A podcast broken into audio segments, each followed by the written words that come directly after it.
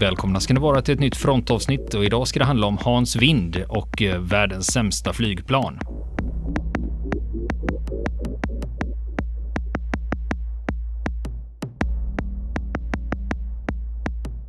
Och nu fortsätter historien om Hans Wind och världens sämsta flygplan. Och samma dag, några timmar senare, så leder han återigen fyra Messerschmitt 109 i ett annat spaningsuppdrag.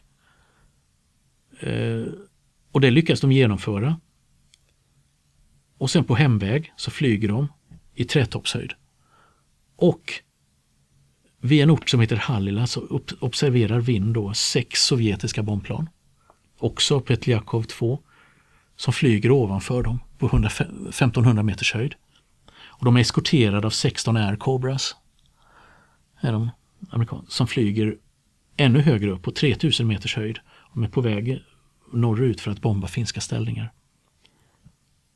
Och Vind, han har ju order som spaningsuppdrag. Ge dig inte i strid med fienden. Håll dig ute i strid. Spaningsuppdraget är det viktigaste. Det är klassiskt.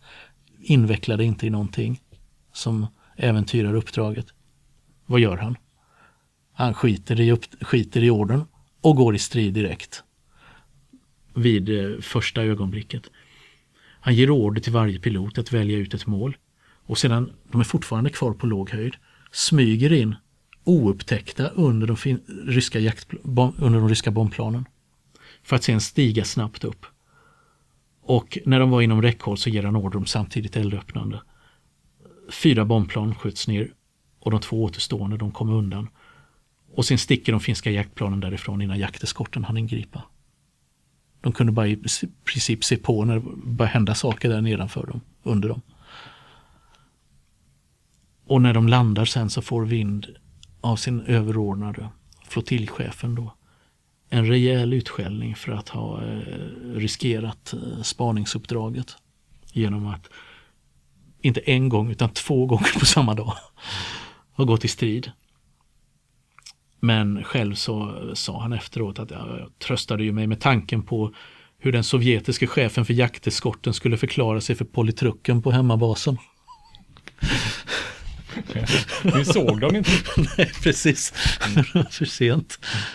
Och sen så och under de här enormt intensiva veckorna så lyckas han i en Messerschmitt 109 genomföra en otrolig serie segrar, luftsegrar. Så mellan den 13 juni och den 26 juni, alltså 13 dagar, så skjuter han ner 27 plan. I, i en Messerschmitt. Och han byter Messerschmitt under den här tiden då. Så att den 15 juni där så får han en ny Messerschmitt och den har fortfarande tyska beteckningar. För det finns ingen tid att måla om den. Utan det är bara rakt upp i, eh, och i strid. I ett tyskmålat plan. Ja, med, det tyska spelar, nej, roll. Nej, nej, precis. Kulor som kulor. Och eh, den 28 juni 44 så får han Mannerheimkorset för andra gången. Eller han blir Mannerheimriddare för andra gången. Blir han. Och det här är väldigt ovanligt då. Det är bara ett handfull eh, soldater i Finland som lyckas med den bravaden och bli Mannerheimriddare två gånger. Och eh, Hans Wind är en av dem alltså då. Och eh, senare samma dag så genomför han en spaningsflygning med en annan Mannerheimriddare som heter fältve som var fältväbel Nils Katajainen ovanför Viborg. Och eh, det här uppdraget, jag tänkte att vi kan ta det lite grann i detalj vad som hände där. För det är också hans sista uppdrag. Är det. Och den 28 juni 44 är det här då. Och då är striderna vid Näset och i trakten vid Viborg på väg mot sin kulmen. På marken. Och själv så är han med sitt, eh, sina piloter baserade på flygfältet Lappenranta. Och eh, de finska staberna behöver veta då om de sovjetiska trupperna får förstärkning per järnväg eller via kustvägen vid Viborg vid den här tiden.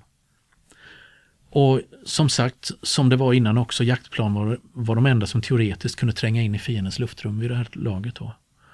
Eftersom eh, fienden hade snabba jaktplan som dominerade hela, hela luftrummet. Och eh, chefen för jaktflottilj 24 då, major Karunen, han har fått order då att eh, avdela några plan för att spana, eh, spana då, eh, mot Viborgshållet. Då. Och eh, samma förmiddag, samma morgon menar jag, så ringer telefonen i första divisionens barack. Och den som svarar är divisionschefen själv då, Hans Wind. Och folk som är runt honom, de hör honom bara svara två, uppfattat. Och lägger på. Och piloterna runt honom tittar ju frågande på honom. Vad är, det, vad är det här nu? Vad handlar det här om? Han går runt tyst i baracken då en stund, funderar och sen förklarar han att man har order att spana med två plan öster och söder om Viborg. Och det här förstod ju alla direkt att det här är ett självmordsuppdrag. Med tanke på fiendens luftherravälde. Och att det inte direkt situationen blivit bättre under de här veckorna då. Som den sovjetiska offensiven har pågått. Och eh, så därför så har, man, har flottiljchefen beslutat sig för att minimera riskerna.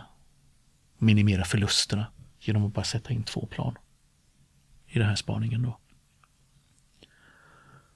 Och eh, liksom som sagt, situationen hopplös och Fiendens flyg patrullerar luften, hela, luftrummet hela tiden och kunde få förstärkningar på bara några minuter. Och så, de hade förmodligen även radar antog man då. Och så Vind han, han vände sig till sin rote tvåa och, eh, och vän då, Nils Katajainen, som han kallas för Nipa då, och frågar honom, Nipa, kommer du med? Och Katajainen han säger ja då utan att eh, liksom betänketid och sen förklarar han då att han var redo att lyfta direkt eftersom han redan hade ätit frukost och inte förväntade sig att få någon hos ryssarna. Och eh, så att lite sisu över det här. Och de sätter på sig sin utrustning. Och Vind, då, han har vid det här laget 72 segrar. Och Katajainen, han har 30.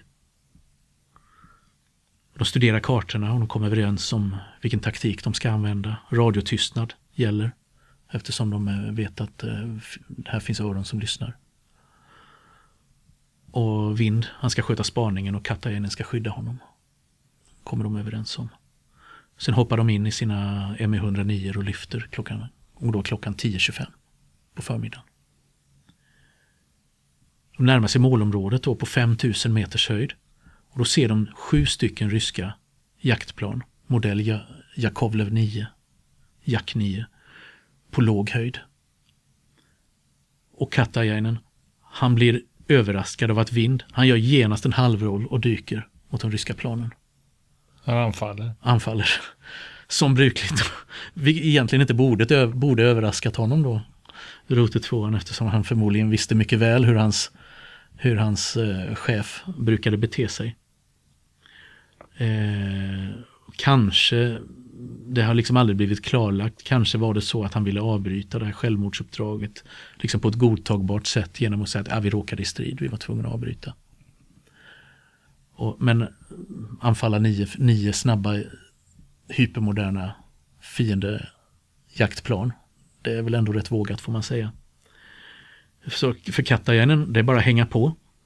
Och i samma ögonblick som de dyker alldeles för sent upptäcker de ytterligare 20 ryska jaktplan. Jakovlev, ytterligare Jakovlev 9 och Air Cobras som har legat i bakhåll ovanför dem. Och som nu är på väg i dykning mot dem. Och på 4000 meters höjd så börjar den här luftstriden då efter en dykning på ungefär 1000 meter. Då, ja. Och det är snabbt då en fullständigt desperat situation då. De är alltså två Messerschmitt mot eh, 30-tal fiendeplan. Och, eh, men Vind, han skjuter direkt ner en Jack 9 som bara råkar flyga in rakt i siktet framför honom. Så han behöver bara trycka av. Och, eh, och Katajainen han försöker följa honom i eh, kurvorna men eh, de tappar snart bort varandra och tvingas slåss var för sig i den här luftstriden. Och eh, de var för många helt enkelt för att de skulle kunna undvika dem allihop, då, de ryska planen. Och, eh, och eh, Vins Messerschmitt blir träffad flera gånger. Men sedan skjuter han ner ytterligare två Jack i snabb följd. och i nästa ögonblick så ser han över axeln mynningsflammorna från en Air Cobra som är efter honom då. Som har 37 mm kanon i nosen då. Och, eh, och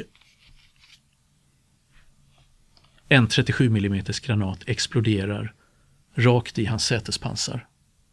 Alltså i ryggstödet. I ryggen? Ja, i ryggen då. Och nästa granat slår igenom plexiglaset till vänster om honom, bakom vänster axel och exploderar, far förbi honom och exploderar rakt i instrumentpanelen framför honom. Så att han får vänster arm svårt skadad. Och, eh, och eh, kompassen då som man har i instrumentbrädan då, den har krossats i explosionen. Fotogenen, vätskan i kompassen, har fattat eld och fyller hela cockpiten med rök.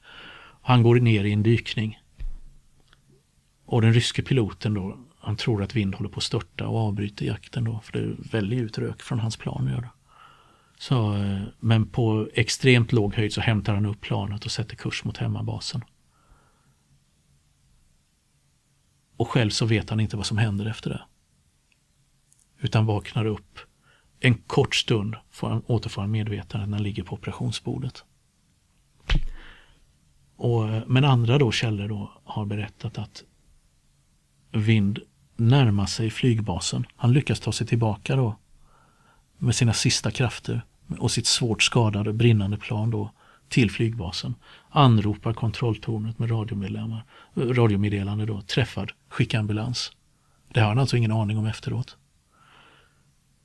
De försöker anropa honom igen, få mer klarhet, men han svarar inte på några anrop. Istället hör de hur han börjar hallucinera i radion om andra piloter som flyger för nära hans plan. Och det är alltså tidigare döda kamrater som, som han pratar om då börjar, börjar liksom att nu, nu, nu får akta er ner nu håller på liksom. och så vidare. Och eh, det var inte bara instrument, instrumenten som var skadade då i, i planet utan även gasreglaget. Så att Messerschmitts motor går på fullgas hela tiden. Och han har full vinkel på propellrarna då också. Ända sedan luftstriden då för att få max Dragkraft. Dragkraft då ja. Lite jobbigt när man ska landa. Naturligtvis då. Så att han närmar sig basen och de, man ser från marken hur han lyckas få ut landstället. Och landar i 500 kilometer i timmen. och det är liksom fullt blås rakt in på landningsbanan. Är det. Och lyckas Alltså, en Messerschmitt 109 var ökänt svår i start och landning även under normala förhållanden och många piloter förolyckades. Bland annat för att landställen var så, ansågs vara lite felplacerat och gjorde planet instabilt. Och, eh, och liksom folk på marken såg ju på i, vas, i fasa liksom att det här kommer ju inte gå bra, det kommer inte sluta bra. Han, de inser att han justerar hastigheten inför landningen genom att slå av och på motorn hela tiden. För att liksom komma, ner i, komma ner i fart och ändå ha lyftkraft. Så av och på med motorn hela tiden. Lyckas han. Och studsa ner på banan. Och ta he, hela banan tar innan han får sladd på slutet. Liksom, och planet ställer sig på tvären. Men det står fortfarande upp. Då. Och liksom inte kantrat eller slagit runt eller någonting sånt. Och han försöker öppna huven och ta sig ut men har inte styrkan att ta sig ut för egen maskin då. Och eh, när, han kom, när markpersonalen kommer fram så meddelar han att, eh, att hans eh, rote 2, Katajainen då, har blivit nedskjuten och sen så kollapsar han då i, i cockpiten. Då. då är han uppe i 75 segrar. Då. Och han har förlorat mycket, mycket blod då. Det ser ut som en enda röra i, i cockpiten där då. Efter allt som har hänt och, och eh, blod och sot överallt. Splitter, massor av splitter i vänster arm, hand och rygg. Flygs, till, flygs i en Junker 52 till, eh, till sjukhuset i, i Mikkeli, Sankt Mikkel. Eh, där för övrigt Mannerheims högkvarter låg. Eh, det visade sig dock att han hade haft fel vind och att rotet hade inte blivit nedskjuten hade han inte. Utan hade lyckats undkomma Katainen då. Och han ser då, Katainen berättar sen att han såg tre jaktplan störta och han trodde att Vinds Messerschmitt var en av dem. Så att han tror ju i sin tur att Vind är borta. Så att eh, när fiendeplanen då efter det här över bakhållet är på väg nöjda tillbaka till basen så sätter han efter dem. Ensam, med hämnd i sinnet. Och på låg höjd för att eh, ja, komma in oupptäckt. Och så på väl extremt kort håll så avfyrar han en salva mot den sista aircobran Som försvinner i ett stort moln av svart rök. Eh, dyker på nosen rakt i backen. Och sen gör han en halvroll och sätter kurs hemåt i full fart. Då. Och i närheten av frontlinjen då på vägen tillbaka så observerar han en rysk observa Eh, så ser han en rysk observationsballong då flyger rakt igenom luftvärnselden och, och eh, skjuter den i brand. Sen korsar han, korsar han frontlinjen och på andra sidan så upptäcker han nio stycken Sturmoviks. Som var på väg hem från ett uppdrag och han anföll och sköt ner två innan jakteskorten hann fram. och, och 11.05 så landar han på lappen rant och hans första ord var att Hasse är slut. Mm. Och om du tänker, för du kommer ihåg tidpunkten ja. när de gav sig av. Jajamän. Det är inte många minuter det handlar om det här. Det hinner ganska mycket på ja, kort tid. Jajamän. Det är, en, det är en halvtimme, lite drygt här. Innan de är tillbaka. Och det här händer alltså samma dag som Vind hade fått Mannerheimkorset andra gången. Det blivit Mannerheimriddare andra gången. Och Vind, han kommer till medvetande en vecka senare på sjukhus. Och det första han hör när han vaknar är Hasse, hur är det? Från sängen bredvid. För då ligger Katajainen där. För några dagar efteråt så hade det ryska luftvärnet skjutit hans Messerschmitt 109 i bitar och han hade kraschat vid landningen då och brutit både armar och ben. Så nu låg de i sängarna bredvid varandra på sjukhuset då. Bägge trodde att de ja, återser varandra där då. Och Vinds plan, ja det kunde flyga vidare för det reparerades då med delar från andra Messerschmitt 109 som inte längre var flygdugliga. Då. hade lite ont om reservdelar vid det laget eftersom det började kärva med Tyskland. Förhållandet med Tyskland där då. Men det, efter en månad så, så sköts det ner och blev vrak då. Och eh, Det här blev alltså hans, eh, Hasse Winds sista uppdrag då den 28 juni. Då hade han flugit 302 stridsuppdrag och hade 74 eller 75 luftsegrar i det laget beroende på hur man räknar. Och 39 av dem i en Brewster och resten i en Messerschmitt. Och han tog, vid krigsslutet då så tog han avsked som officer utan permission. Det saknades tre månader på tjänst, eller utan pension menar jag, förlåt. Jag tar det, e, efter att han blivit frisk så tog han avsked sommaren 45 utan pension från flygvapnet och det saknades tre månader på tjänstgöringstiden för att han skulle få krigspension. Då. Men, eh, men han var inte intresserad av att stanna utan, eh, utan eh, gav sig ut i det civila, det civila livet efter detta. Då. Och han hade han tog, genomförde studier på Svenska handelsinstitutet i Helsingfors tog examen därifrån men hade sen svårt att anpassa sig till det civila livet. Han hade liksom flera, flera ja, högre ja, chefsuppdrag olika håll på, i det finska näringslivet, olika företag. Men eh, jag menar hårda, hårda krigserfarenheter och som man försöker döva med alkohol gör inte, kanske inte alltid att mm, han hade det blir så framgångsrikt. Ja, precis. Men det var han inte efter kriget sen. Och, ehm, och sen så finns det en historia som, eh, om att han, han eh, 1959 så blev han dömd för urkundsförfalskning då och förlorade officersgraden i finska flygvapnet. Då. Men, eh, men fick tillbaka den tio år senare då i slutet av 60-talet. Men, men då under några år e-, efter kriget, han har bland annat varit biträdande direktör för ett kvarnbolag som ägdes av hans svärfar. Och när han kom ihop sig med denne så flyttade han till en ångkvarn i Vasa och sen så var han, eh, var han eh, direktör för en skofabrik i Tammerfors. Och på 70-talet så var han sen eh, chef för ett bageri fram till pensioneringen. Han var en väldigt principfast man berättas det. Han gillade inte den här ryskvänliga politiken då efter kriget som Finland var nödd och tvungen att föra.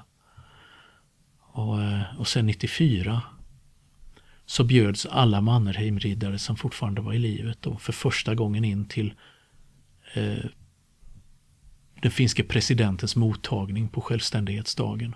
Men Vind han vägrade komma för han ansåg att den här inbjudan hade kommit 40 år för sent. Så att han var en av dem som, som eh, tackade nej då. Och följande år, eh, 95 då, så avled han i, i Tammerfors. Och eh, sen, eh, vad blir det, nästan 20 år tillbaka så står det en minnessten över honom då i en park i Ekenäs. Och på huset där han växte upp, Gula huset vid Fisktorget, där finns det en eh, minnesplatta över honom. Ehm, så att han, Hasse Wind är som sagt den näst främsta finska flygaresset under kriget och det främsta finlandssvenska flygaresset. Och det främsta esset i en Brewster Buffalo.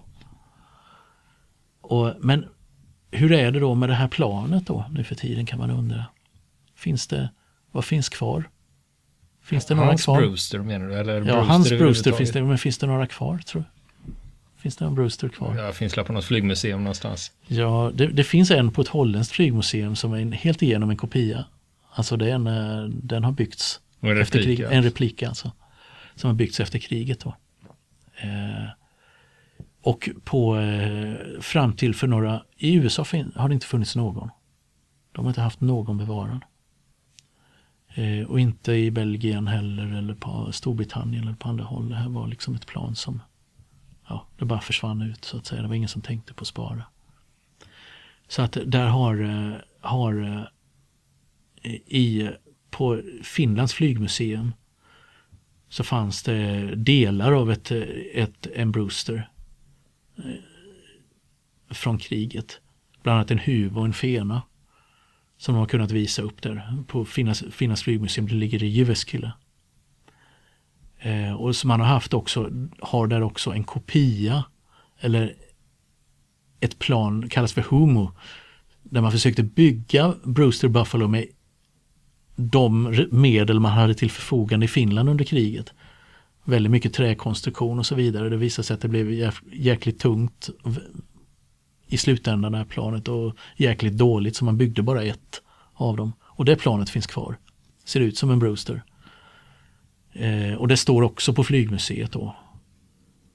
Eh, men för några år sedan, för 20 år sedan, alltså 1998, då hittades en Brewster på botten av en rysk sjö.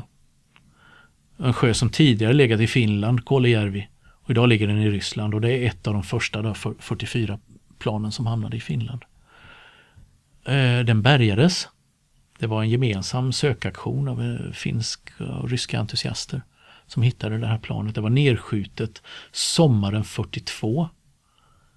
Eh, hamnade i strid med Hawker Hurricanes och MiG-3. Eh, och det flögs då av en pilot som heter Lauri Pekkuri. Och eh, Pekkuri han sköt ner två Hurricane-plan i den här striden då. Och, men träffades då av eh, kanoneld från en MiG-3 och han tvingades nödlanda sitt plan i den här sjön. Hoppar ut och tar sig i land. Och går två mil till de finska linjerna. Efter detta gör han. Utan att bli besvärad av ryska patruller. Och så vidare. Det var ju glesa områden, mycket ödemarker då. Det här planet, det hamnar så småningom då och då är vi framme 2004 då efter olika förhandlingar för att överhuvudtaget få ut det ur Ryssland. Det är inte så lätt att ta ut eh, gammal, gammalt skrot från kriget i Ryssland. Det betraktas som statlig egendom. Och det var mycket, mycket och långvariga förhandlingar där så lyckades man till slut få ut det då.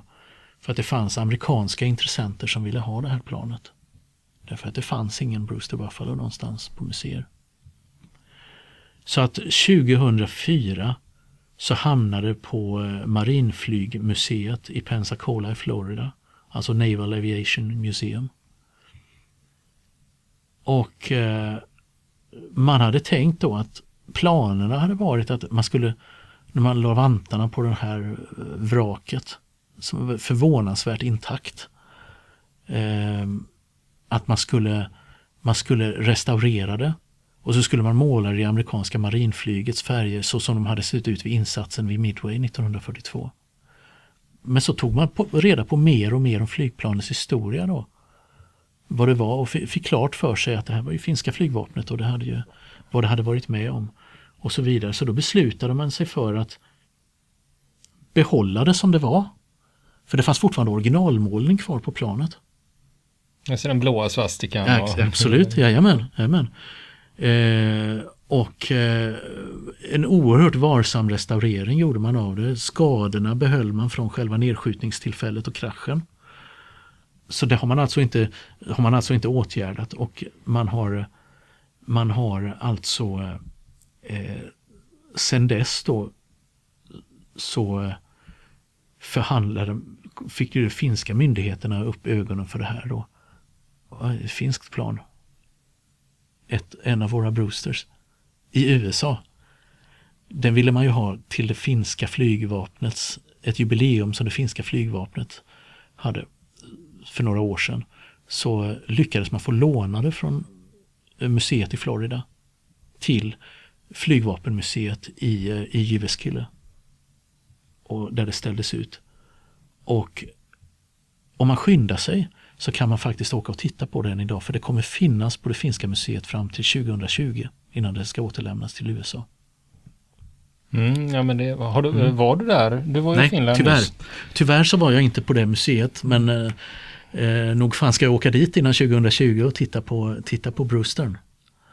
Jag tänkt. Och det finns fina bilder på museets hemsida.